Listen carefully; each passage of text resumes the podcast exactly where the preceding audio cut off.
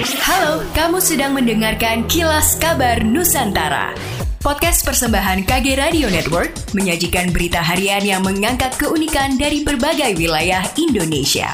Kilas Kabar Nusantara dapat juga didukung oleh pengiklan loh. Sobat Medio, kamu penggemar kisah di balik layar investigasi program Aiman Kompas TV?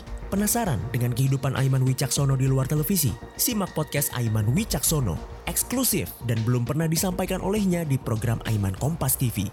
Persembahan Media Podcast Network by KG Media, Kompas TV, dan Trusted Talent Management hanya di Spotify.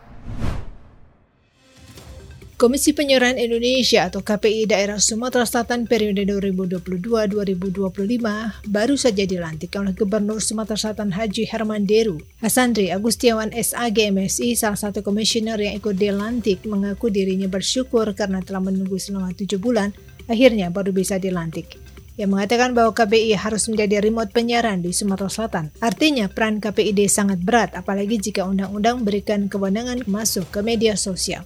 Ia mengatakan dunia penyiaran saat ini berkembang dengan sendirinya sesuai dengan kemajuan teknologi dan konten-konten mereka dinilai juga sudah baik. Sejauh ini KPI belum diberi kewenangan penuh mengawasi media sosial karena undang-undangnya masih dibahas di Komisi 1 DPR RI.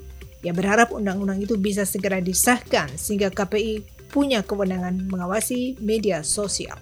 Kasus kekerasan seksual kembali terjadi di Sulawesi Selatan. Kali ini menimpa anak berusia 7 tahun berinisial SM di Kabupaten Jeneponto. Saat ini korban berada dalam pengawasan UPT Perlindungan Perempuan dan Anak P2A DPPA Sulawesi Selatan. Kepala UPT P2A DP3A Sulsel Meise Papayungan mengatakan SM telah menjalani serangkaian perawatan medis. Awalnya korban dirawat di ruang perawatan anak Rumah Sakit Universitas Hasanuddin. Kemudian perawatan dilanjutkan di Rumah Sakit Labuang Bajo Makassar.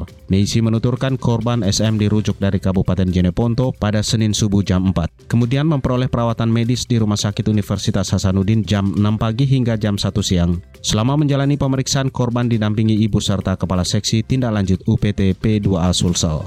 Lebih jauh, Meisy menambahkan selain memantau kondisi korban, pihaknya juga mendampingi ibu korban baik dalam berkonsultasi dengan pihak rumah sakit maupun menyediakan kebutuhan spesifik bagi korban dan keluarganya. Berdasarkan pantauan terakhir, korban masih lebih banyak diam, sehingga pihaknya berusaha berkomunikasi agar korban tidak merasa ketakutan. Karena itu, segera setelah seluruh tindakan medis selesai dilaksanakan, proses pendampingan akan dilanjutkan dengan perawatan kondisi mental korban melalui psikolog.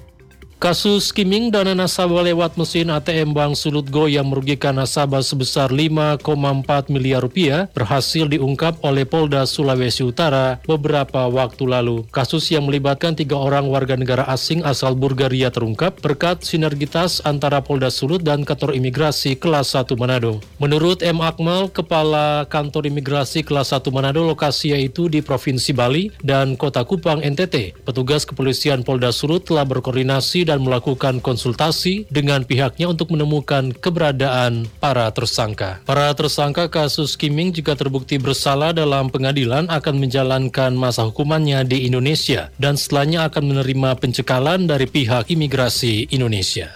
Demikianlah kilas kabar Nusantara pagi ini.